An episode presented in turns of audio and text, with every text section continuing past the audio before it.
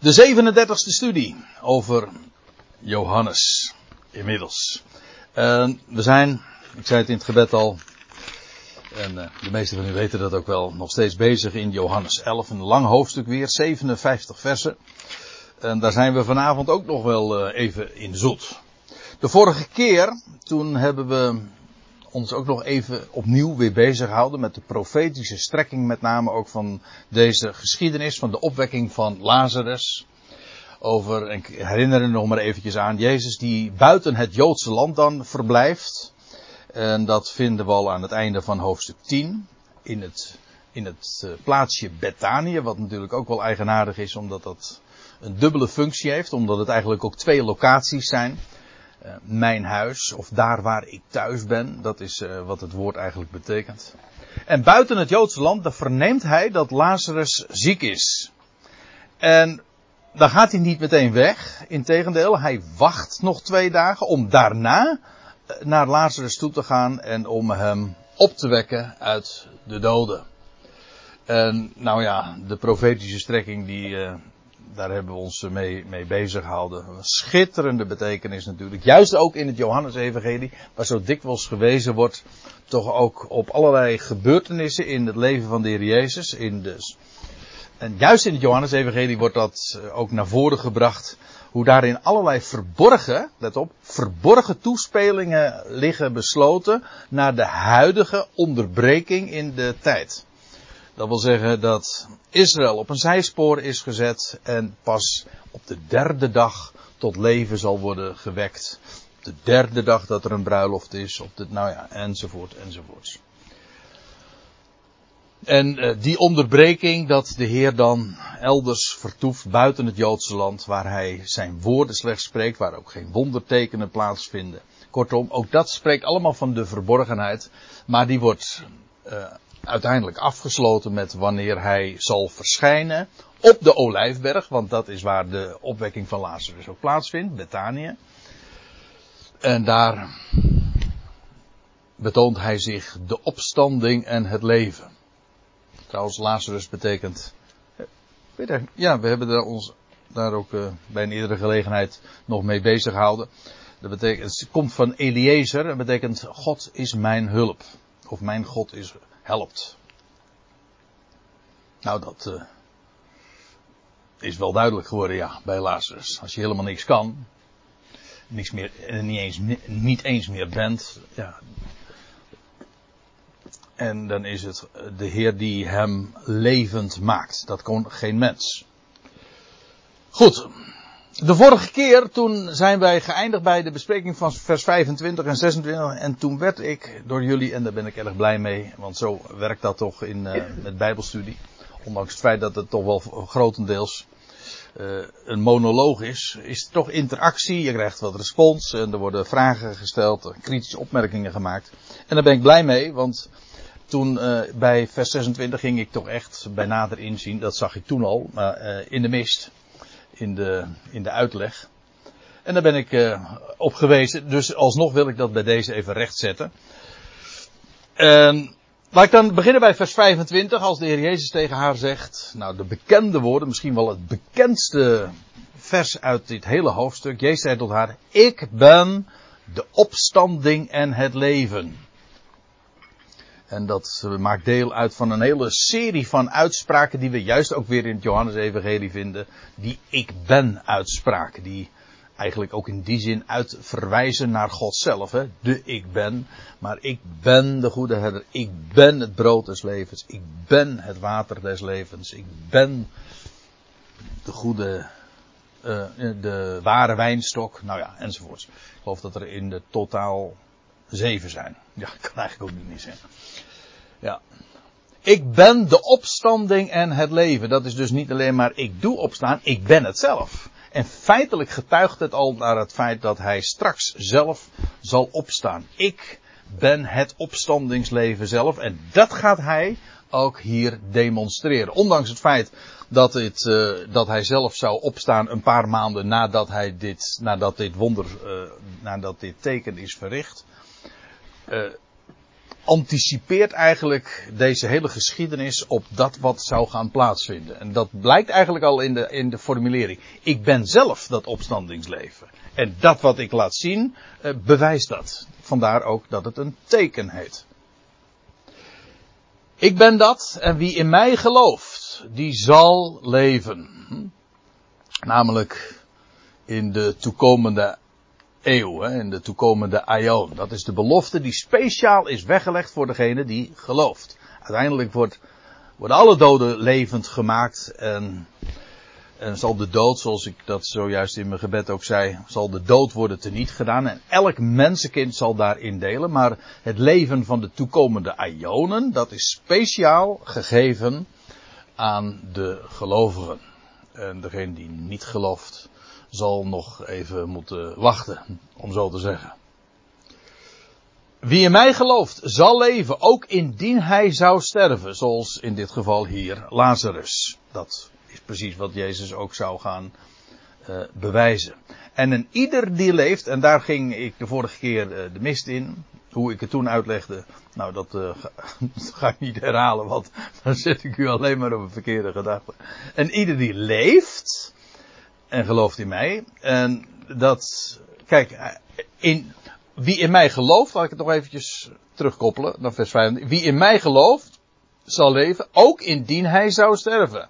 En een ieder die leeft, hè, zoals Martha, die hij hier nu aanspreekt, en gelooft in mij, zou zeker niet sterven tot in de aion. En nou vraag geloof jij dit?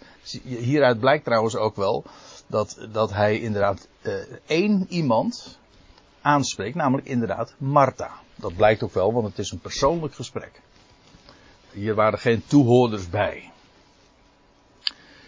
En uh, zou zeker niet sterven, namelijk, en daar hebben we het de vorige keer trouwens ook over gehad, over de, de laatste dag, weet u nog, over de jongste dag. Dat dat verwijst naar uh, de profetie van Daniel die 75ste dag na de verschijning op de Olijfberg. Nou ja, uh, die zou zeker niet sterven. Zal, uh, uh, namelijk, die zal in het einde van deze aion, in het einde van deze aion, dus vlak voor het aanbreken van de toekomende aion, zal dan aionisch eeuwig leven ontvangen. Eeuwig leven, aionisch leven, dat is het leven van de toekomende aion. Oftewel, zoals we elders dan in de schrift lezen, de duizend jaren waarin de Satan gebonden zal zijn en de volkeren niet in staat zal zijn te verleiden. Dus dat uh, niet sterven heeft te maken met uh, het, uh, het, ontvangen van Ionisch leven dat tot in de Ion, dat wil zeggen in de Ion die zal volgen, zal blijven. Dus terwijl er veel in, nou sterker nog, ja, ik wou zeggen, velen zullen in, aan het einde van deze aion inderdaad het leven laten. En in uh, Rotterdam zijn we momenteel bezig met een hele serie over die, uh, over die periode van het einde van de aion. En over de enorme nou, slachtpartijen, mag ik wel zeggen ook. En de velen die zullen omkomen in die periode. Maar degenen die niet zullen omkomen, in tegendeel die Ionisch leven zullen ontvangen, dat zijn degenen die geloven, die zullen zeker niet sterven tot in de Ion. Dat is een eh, heel bijzonder voorrecht wat aan hen die geloven wordt gegeven.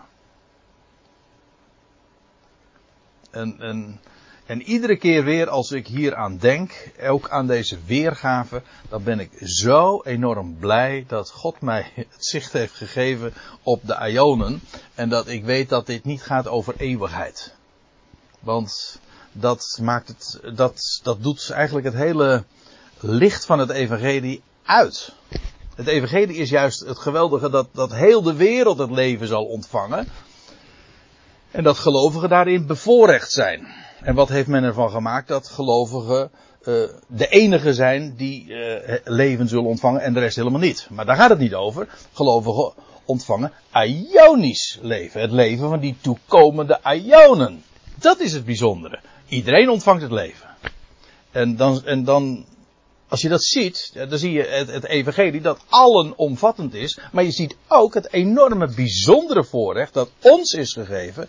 Namelijk om, een, een, om dat voorrecht mee te maken van de toekomende eeuwen te beleven. En daarin ook ingezet te worden. En daarin een rol van betekenis te mogen spelen, om zo te zeggen.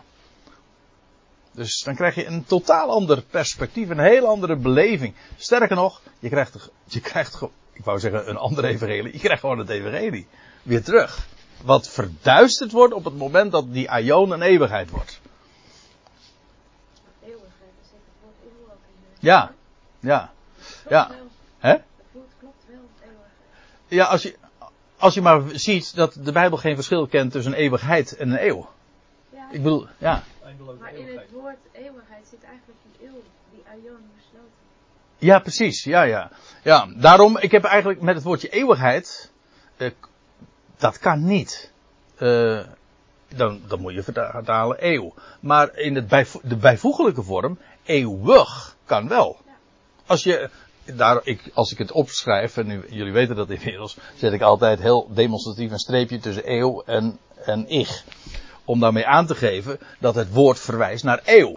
En als je eenmaal daarmee vertrouwd bent, is het heel logisch en vanzelfsprekend. En ja. En, uh, en dan, uh, dan, dan, weet je niet meer beter. En, en, dat is eigenlijk ook precies de bedoeling. Dat je gewoon dat weer ga, gaat ontdekken. Maar het is. Ja, aangezien bijna niemand dit weet. En ik bedoel, in, in de Bijbelvertalingen wordt, het, dit zicht ons gewoon ontnomen door, door, door deze weergave. Ja, dat is dramatisch. Want dat, zo, dat, betekent namelijk dat in de Bijbels die wij lezen, gewoon het evangelie verduizend wordt. Maar dat is, dat is echt vreselijk. Dus uh, het, is, uh, het is geweldig als je mag zien dat dit inderdaad over, over Aion gaat. Een specifieke tijdperken. Maar goed, dat was even een zijdelingse opmerking. Geloof jij dit? ja, dat geloof ik zeker, ja. Dat, gelukkig wel. En zij zei tegen hem, Martha dus, hè, want uh, Martha die was uh, de heer, uh, voordat hij, die was op weg naar Betanië en Martha had daar lucht van gekregen en die was naar de heer op toegegaan. Maar dit was allemaal nog buiten het dorp, we zullen dat straks geloof ik ook nog lezen. En zij is in een persoonlijk gesprek nu verwikkeld. En uh, nou, er is inmiddels al heel wat ter sprake gekomen. En nou zegt zij, zij, zij zegt tegen hem, ja heer, ik heb geloofd dat u bent de Christus. Dat wil zeggen de beloofde Messias. De Zoon van God. Die in de wereld uh, komt. Komende is eigenlijk, dat is het. Het is een uh, tegenwoordige tijd. Deze, deze formulering die doet heel erg denken aan het slot van het slotwoord van Johannes. Het eerste slot eigenlijk.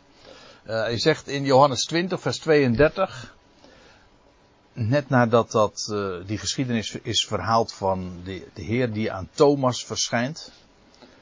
En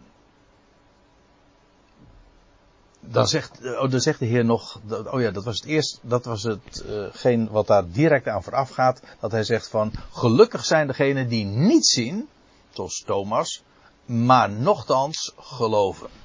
En dan zegt, uh, en hoezo geloven? En dan zegt Johannes, deze echter zijn beschreven, opdat jullie zouden geloven. Thomas heeft gezien. Maar deze, hè? Uh, dit is vers 31? Ja, tenminste in mijn Oké, oké. Okay. Ja, nee. Dat kan heel goed hoor.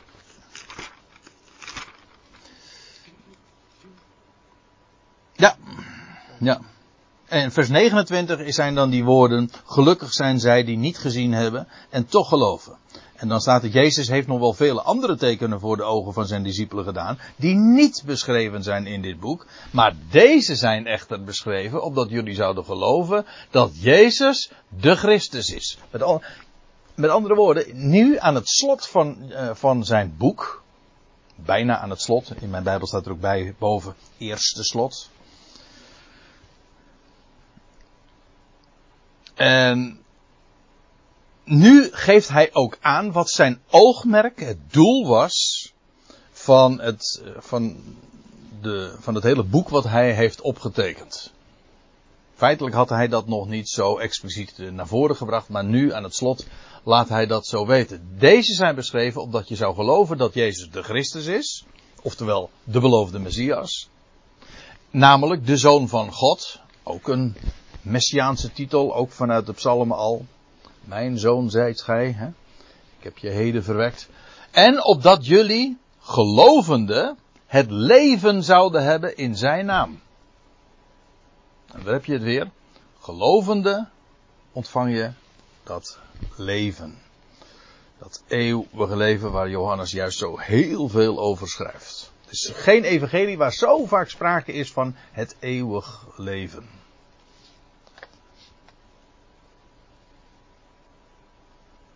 En waaruit je trouwens ook kunt opmaken dat al die tekenen die in dit evangelie staan opgetekend, al getuigen van het leven dat in de Christus, de Zoon van God, besloten ligt. Hij is het. In al die tekenen wordt al, ge, ik gebruik maar weer even dat woordje, geanticipeerd, vooruitgelopen op het feit dat hij uit de doden zou opstaan en zo het leven zou geven.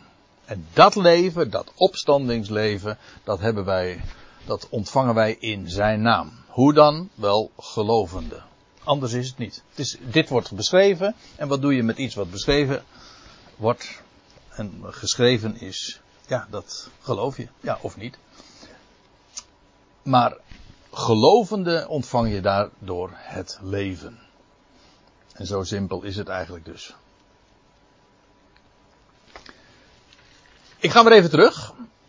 En terwijl ze dit zei, die geloofsbeleidenis, zeg maar, uitsprak, terwijl ze dit zei, ging ze weg en ontbood zij heimelijk Maria, haar zus. En die was nog thuis in Betanië en zij ging dus weer terug. En ja, het was uh, dat, dat heimelijk, dat heeft ermee te maken dat alleen Maria uh, wordt ge, ontboden of gevraagd. Hoe staat het er in de, de BG-vertaling staat er in stilte. Ze wilden er verder geen rugbaarheid aan geven. En alleen Maria wil zij, uh, brengt zij hiervan op de hoogte. En we zullen dat trouwens ook zien in uh, ditzelfde vers. En zij zei, de leraar is aanwezig. Of de meester. Zoals de MBG-vertaling dat dan zegt.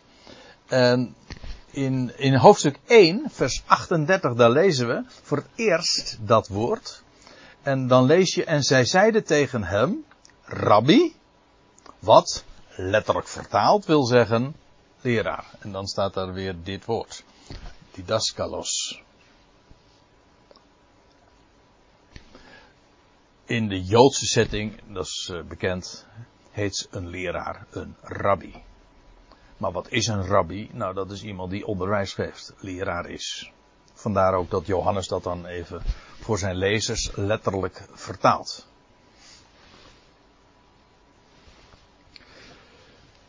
En hij zei, de leraar is aanwezig en hij ontbiedt jou. Ik leg even de nadruk op jou. Hè? Zoals, dat lag al ook een beetje besloten in het feit dat uh, de Heer al tegen Martha had gezegd, in dat persoonlijke gesprek, jouw broer zal opstaan.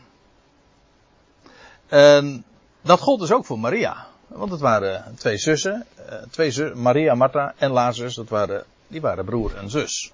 Dus als jouw broer zal opstaan, dan zal ook Maria's broer opstaan. En het is uh, op een persoonlijke wijze dat de Heer uh, Maria daar dus ook in betrekt. Hij ontbiedt jou. En toen zij, dat is Maria dus, dit hoorde, kwam ze snel overend en ze ging naar hem toe. En uh, de vorige keer hadden we het er al eventjes over. Zo kennen we eigenlijk Maria niet zo.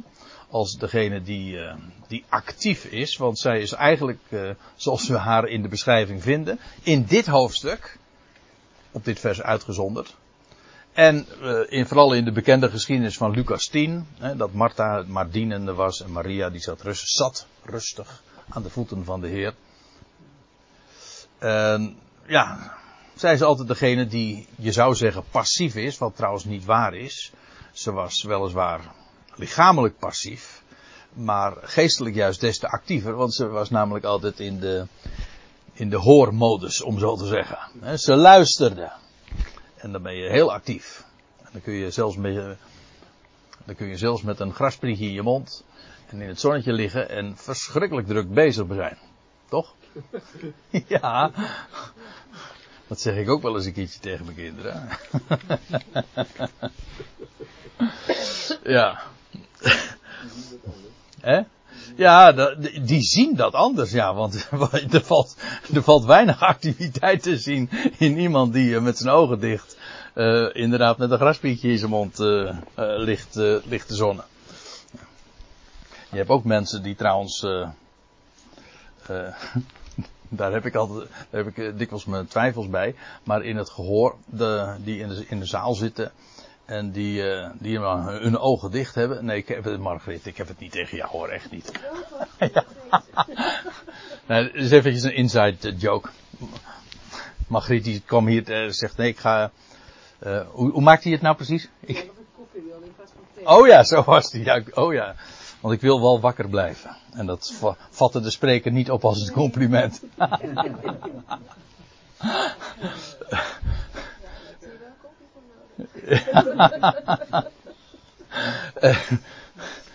dan, maar goed, je hebt ook uh, luisteraars die dan uh, in mijn beleving dan slapen, maar dan zeggen ze nee, ik luister altijd het beste als ik mijn ogen dicht heb.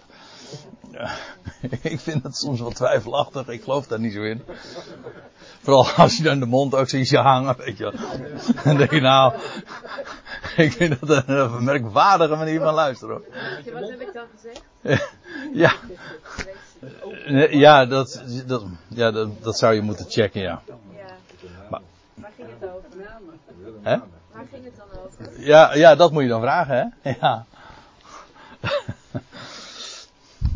Maar goed, uh, Maria was degene die, die zat en in rust was, in fysieke rust, zeg maar. Maar uh, hier, en dat, eigenlijk uh, is dit dus geen tegenstelling, maar ligt helemaal in het verlengde. Want ze was heel erg actief waar het, het het woord ging. En dat is precies waar, wat, wat hier ook aan de orde is. Want toen zij dit hoorde, kwam ze snel overeind. Aha, het ging dus toch weer om woord wat haar in beweging bracht. Namelijk het woord van de Heer.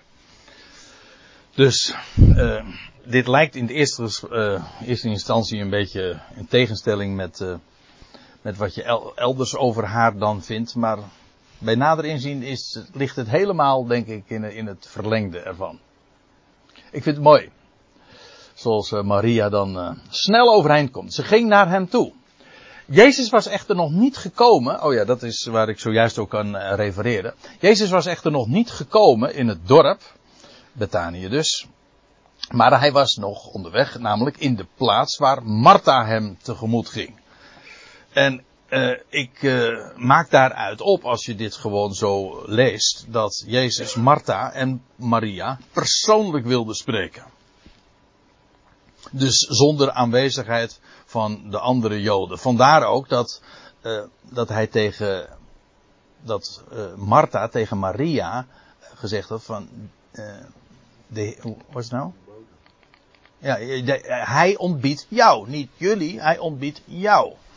Als hij die andere had willen aanspreken, dan had hij ook gewoon uh, naar het huis kunnen gaan en daar uh, het woord voeren. Maar dat heeft hij niet gedaan. Hij wilde hem persoonlijk aanspreken.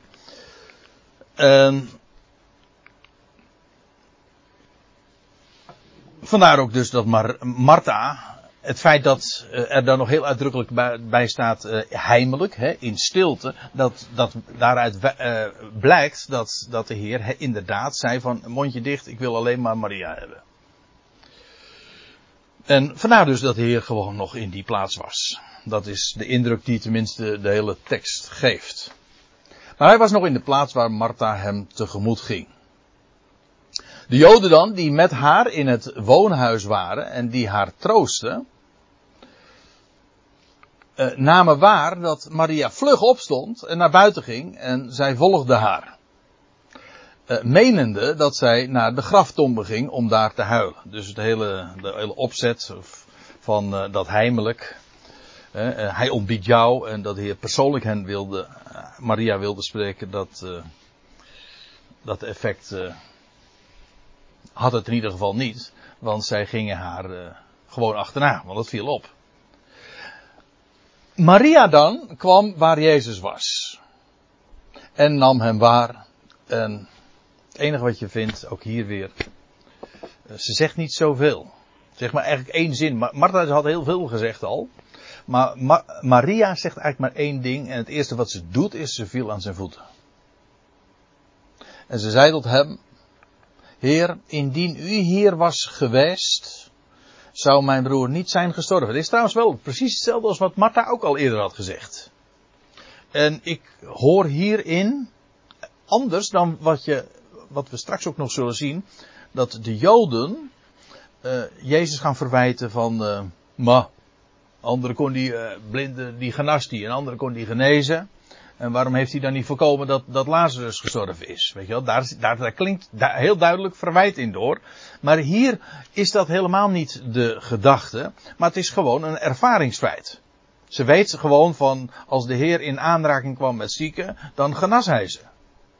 Dus hij, ze zegt, Heer, indien u hier was geweest, als Lazarus nog, toen Lazarus nog ziek was, dan zou mijn broer niet zijn gestorven. Dat is dus geen verwijt, maar dat is gewoon zoals zij haar Heer kende.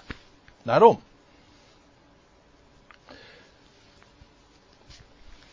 Jezus dan nam haar huilende waar. En niet alleen haar, maar ook de Joden die met haar meekwamen, die huilden. Weeklaagden staat er in andere vertalingen. En, en nou, nou krijg je iets eigenaardigs. En dat is vrij uniek in de evangelie. Namelijk dat er heel uitdrukkelijk gewezen wordt op de emoties die de Heer op dat moment onderging. En dat vinden we niet vaak. Oh ja, eh, heel af en toe wel eens. Maar het is heel spaarzamelijk. Er wordt altijd gezegd of vermeld wat Jezus sprak, wat hij deed en hoe hij ging. Maar wat hij beleefde en hoe hij eh, de dingen voelde en beleefde, ja, er, er, ervoer, dat wordt niet gezegd. Hier wel. En straks uh, nog een keer. Hij, hier staat, hij was verbolgen in de geest. Uh, hij was briesend, hè, staat er in, de, in deze interlineaire. Hij was briesend in de geest. Verbolgen, dat heeft, uh, dat is een, ja, emotie van, van boosheid. En als ik ook hier weer uh, gewoon de hele context lees, dan kan ik maar, maar aan. Dan, dan, dan, kan ik maar één conclusie hier uittrekken. Namelijk dat de Heer Jezus boos was over het feit dat nu ook die andere Joden er allemaal bij waren. Waarom was hij boos? Hij was verbolgen in de geest. Hoezo die verbolgenheid? Hij, en dan zeg ik, hij had alleen Maria ontboden. En er zit hier ook nog in, en dat zullen we straks, een paar versen later, in vers 37 ook zien, dat hij in de, bij de rest een sfeer van ongeloof proefde.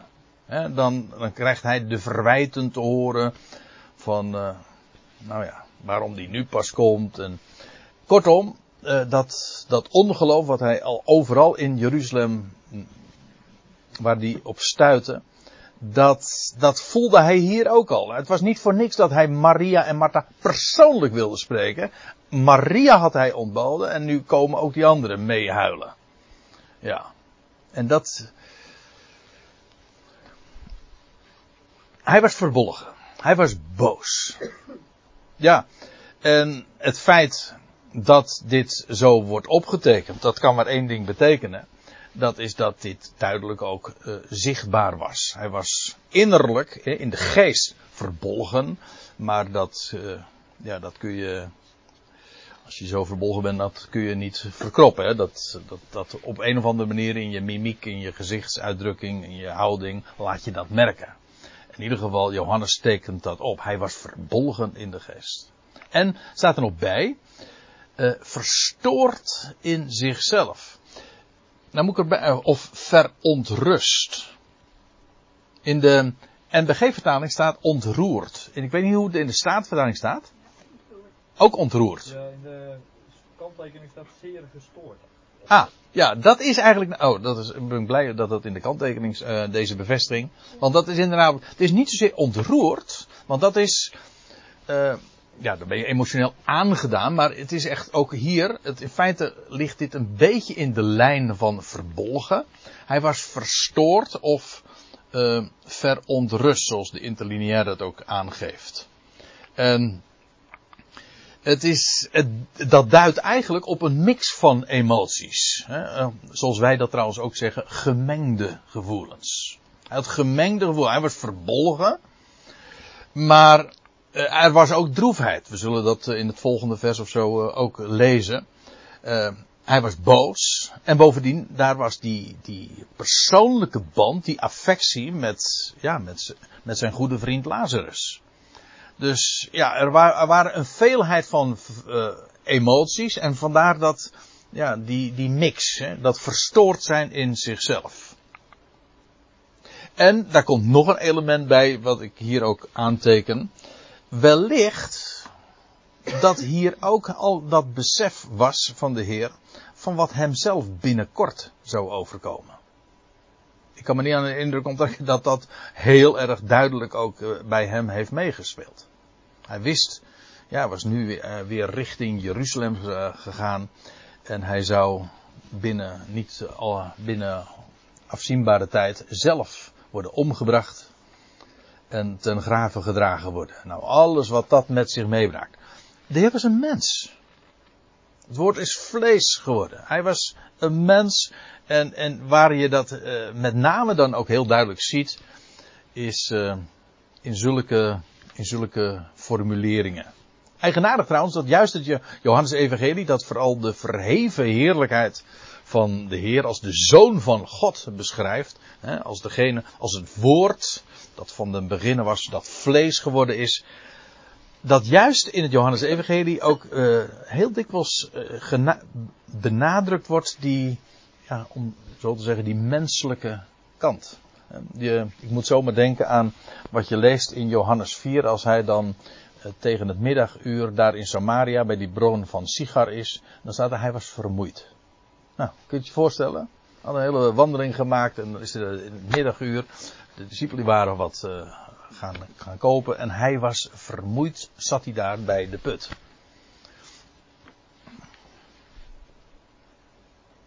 Hier, verbolgen in de geest, verstoord in zichzelf. En nu vraagt hij, vers 34, hij zei, waar hebben jullie hem geplaatst? Neergezet, neergelegd. Ook hier is trouwens feitelijk ook weer een beschrijving van de menselijke kant. Je zou kunnen zeggen van nou degene die straks hè, de, de, een dode tot leven wekt, die hoeft toch niet te vragen waar die begraven ligt. Die, nee, hij vraagt wel. Waar hebben jullie hem geplaatst? En ze zei tot hem, kom, heer, kom. En, neem, en observeer het zelf, neem waar. En dan weer die beschrijving, vers 35. En het is bekend, dit is het kortste Bijbelvers van het Nieuwe Testament. Twee woorden, tenminste in het Nederlands. In het Grieks drie woorden, ziet u. De Jezus, hij weent. Eigenlijk niet één weende in de verleden tijd, maar in de aoris, dat wil zeggen tijdloos. Hij weent. En het is trouwens een verschil. Want ik, ik, u, we zagen net in vers 33 was, was het, 32, eh, dat woordje huilen. En dat is, dat is iets anders. Trouwens bij ons in het Nederlands ook. Je hebt huilen, je hebt wenen. Ik weet niet in hoeverre dat in het Nederlands ook echt een, verschillende betekenis heeft. Dat, dat durf ik niet te zeggen. Ik, ik heb de indruk van niet. Hè? Oh. Het ene is wat oud, oud, ouder Nederlands en, en, en huilen is ne moderner Nederlands, zou ik zeggen. Of er ook een, een, een, gevoelsmatig verschil in zit, geen idee. Maar bij dat huilen, daar zit juist dat uh, idee ook van weeklagen, maar dan vooral ook, uh, dat doe je niet, uh, dat doe je in ieder geval ook altijd met hoorbaar, zeg maar. luidruchtig huilen. En dat was trouwens soms ook niet meer dan een etikette. Want je had zelfs de uh, rouwklagers die in dienst werden genomen. Hadden we de vorige keer daar al niet even over? Ja. De rouwgebruiken die wij vandaag kennen zijn natuurlijk niet die uh, men in het Midden-Oosten toen ter tijd had. Maar dan was het zo dat er ook rouwklagers ingehuurd werden. Ja, wij vinden dat misschien onge... Ja, bizar. Maar dat er uh, rouwklagers werden ingehuurd die dan demonstratief dus hun ja, emoties uit, nee eigenlijk niet hun emoties uit, maar die kenbaar maakten dat er verdriet was. Nou, wat je er ook van vindt, maar in ieder geval, dat was een gebruik. En uh, sommige mensen die doen dat trouwens heel erg makkelijk. ja, men, je hebt mensen die heel erg makkelijk huilen. En die dat trouwens ook verrekt goed kunnen. En zelfs met tranen nog, hè. Ze zeggen wel eens krokodillentranen. Ja, maar dan gaat het meer naar janken. Ja, dat is wel een goeie. Heb je, je hebt nog inderdaad een woord, janken. Ja, dan is het... Uh... Kan ook nog. Ja, dat kan ook nog. Jan, janken. Ja, dat doe je altijd met geluid. Ik kan me niet voorstellen dat iemand jankt zonder uh, gewoon een hoorbaar. Maar hier is het wenen. Wenen zonder geluid. Hè? Wenen Ja. geluid. Ja. Hij weende. Misschien gewoon dat hij daar... Uh, ja, gewoon, ze zagen de, de tranen over zijn, uh, over zijn wangen gaan. En nou ja, dan, dan weet je. En zonder dat er uh, iets verder te horen was. Dat blijkt ook wel, want er was een intense bewogenheid. Nou, laten we lezen gewoon verder. Want er staat, de Joden dan zeiden, neem waar. Zie hoeveel hij van hem hield. Dus toen was het onmiskenbaar. Hij huilde niet, hij, hij jankte niet. Hij weeklaagde niet als, als de etiketten van, uh, van, het, van, van het rouwen omdat Lazarus was overleden. Nee, hij weende. Hij was werkelijk ontroerd. En de Joden die nemen dat allemaal waar en ze, ze, ja, ze kunnen niet anders dan vaststellen hoeveel hij van hem hield. Trouwens, dat is wel uh, apart. Hier staat het woordje filio. U weet uh, wellicht dat het Grieks verschillende woorden voor liefde heeft. Uh, agape, dat is in, wat juist in het Johannes-evangelie heel dikwijls gebruikt wordt, maar dat is dan die onvoorwaardelijke liefde. Maar filio is echt de affectie zoals je, zoals je dat hebt, bijvoorbeeld met vrienden. He, dat is iemand die je bemint, of ja, iemand van wie je houdt, uh, omdat je daar een bepaalde klik mee hebt, om maar wat te noemen. Het kan trouwens hoeft, uh, dat woordje filio hoeft helemaal niet eens uh, alleen op mensen betrekking te hebben. Dat kan ook met dingen zijn. Hè. Je kan een bepaalde, je kan bijvoorbeeld iets hebben met, met boeken, dan ben je een bibliofiel. Hm? Ja. Wij hebben dat ook nog. Er zijn zoveel veel fielen. ja. Nee, zullen we het daar verder nou maar niet over gaan hebben.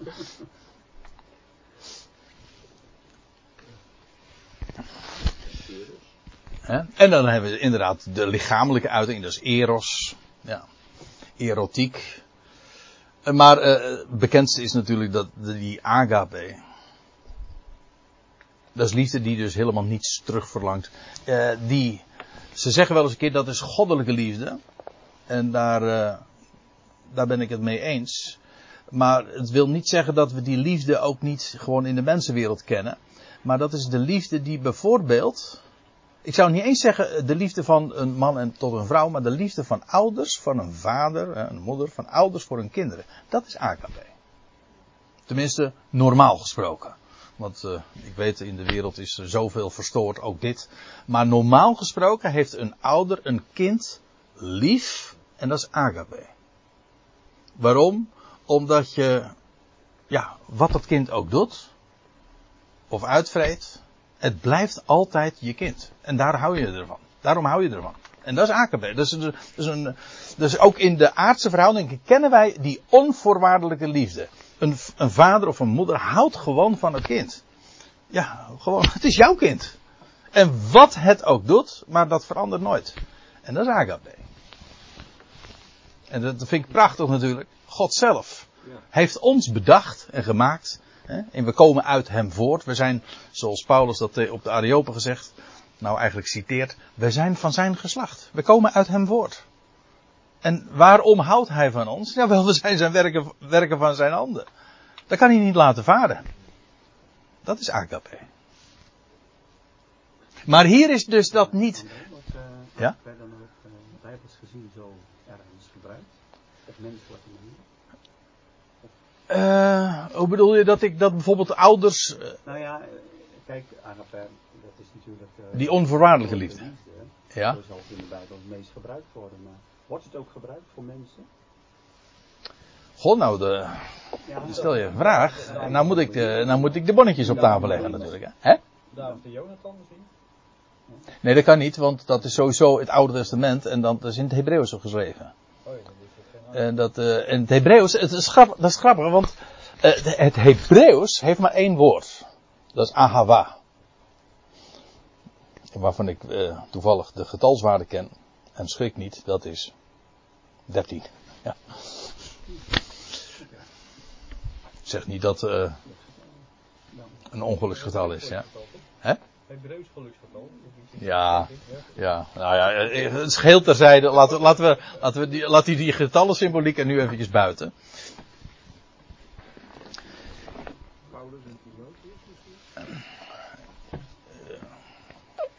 Mijn, oh, maar als die zegt eh, mijn geliefd kind, bijvoorbeeld. Welk woord daar dan gebruikt wordt?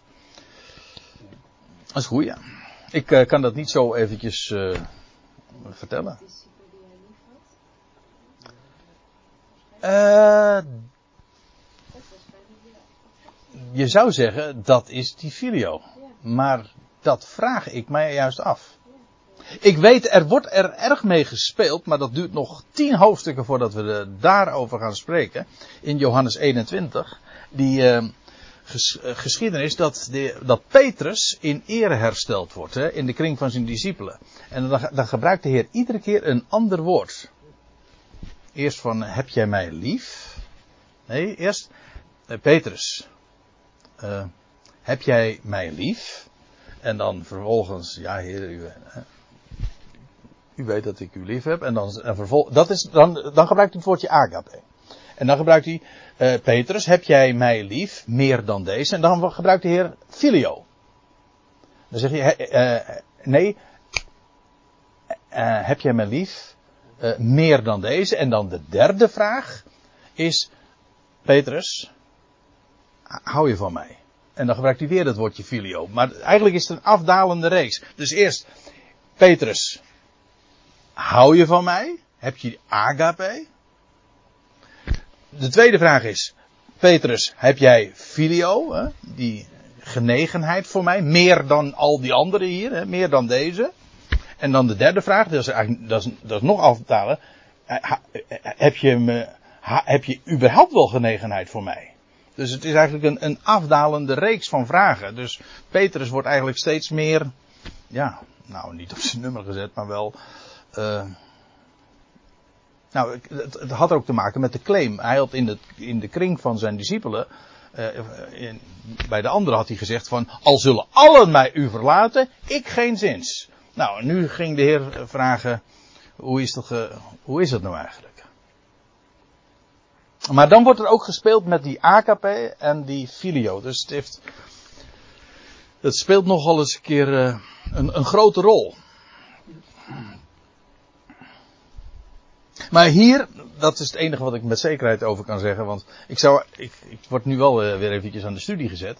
Want het- ik ben nou bijvoorbeeld benieuwd of er bijvoorbeeld voorbeelden zijn van AKP in verband met de verhouding van ouders en kinderen. Bijvoorbeeld.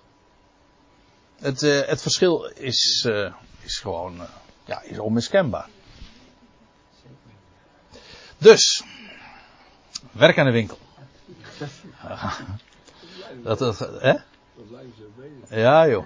Ja. En dat kun je gewoon allemaal zittend doen, hè? Ja, terwijl een grasprietje in je mond. Weet je wel? En dat iedereen denkt van, goh, die zit weer een beetje te zitten. En die zit weer te niksen. En dan ben je onderwijl bezig, jongens. En dan ratelt het hier al aan. Ja.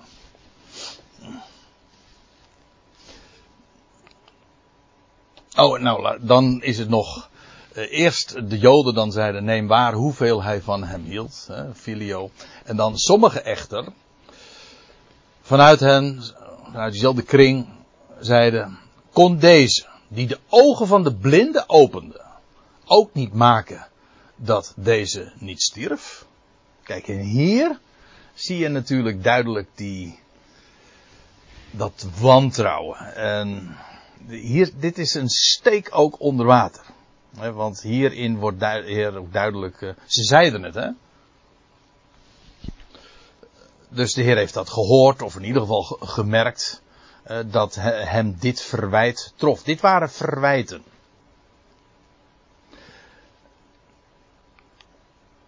Wat eh, trouwens ook bewijst dat hen het antwoord dat de Heer al veel eerder had gegeven, hen was ontgaan. Hè. Dat, ik verwijs hier naar hoofdstuk 9, vers 3. Dat is eh, als de. Als,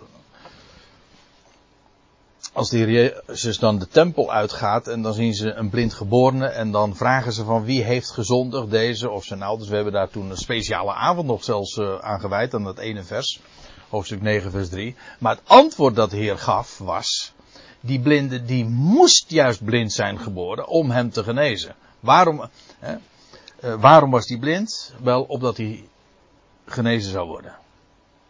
Dus het is precies andersom zoals wij dat altijd uh, denken. Van hij werd genezen omdat hij blind was. Nee, hij was blind geboren opdat hij genezen zou kunnen worden. Dat was wat de Heer zei. En dit is in wezen natuurlijk een geweldig antwoord eigenlijk op het hele probleem van het kwaad in de wereld. Waarom? Wel, omdat de Heer zijn goedheid wil bewijzen. Daarom. Daarom is het kwaad er in de wereld. Daar is veel, veel, veel, meer over te zeggen. Maar dat is wel de fundamentele reden. En dat is hier ook zo. Want zij zeggen hier nu met het verwijt. Kon deze die de ogen van de blinden opende. Ook niet maken dat deze niet stierf. Ja, natuurlijk had de Heer dat kunnen doen. Maar de bedoeling was juist dat hij eerst zou zijn gestorven. Want toen de Heer vernam dat hij ziek was, bleef hij expres nog een paar dagen daar in, in het overjordaanse. Hij, is, hij heeft niet uh, de bolder gezegd, jongens, we moeten gauw naar Bethanië om hem te genezen. Nee, hij, hij wacht nog even. Dus de bedoeling was juist, we hadden dat trouwens ook in de aanhef gelezen, dat hij zou sterven, zodat de Heer zijn, zijn heerlijkheid zou tonen. Lazarus moest sterven, opdat Jezus hem zou kunnen opwekken. Dus dit verwijt was ook niet eens eerlijk. Nou, en dat dat inderdaad die verbolgenheid te maken had met de sfeer waarin de Heer zich uh, bewoog. En waarom hij ook eerst, waarom hij Maria en Martha persoonlijk wilde spreken. Eigenlijk die, die anderen er helemaal niet bij wilde hebben. Dat zie je ook hier, want Jezus dan weer verbolgen in zichzelf. Maar hoezo verbolgen? Nou, de context wijst op het, de, de, de opmerkingen, de verwijten die hem in dat gezelschap treffen. En dat maakt hem dus echt boos.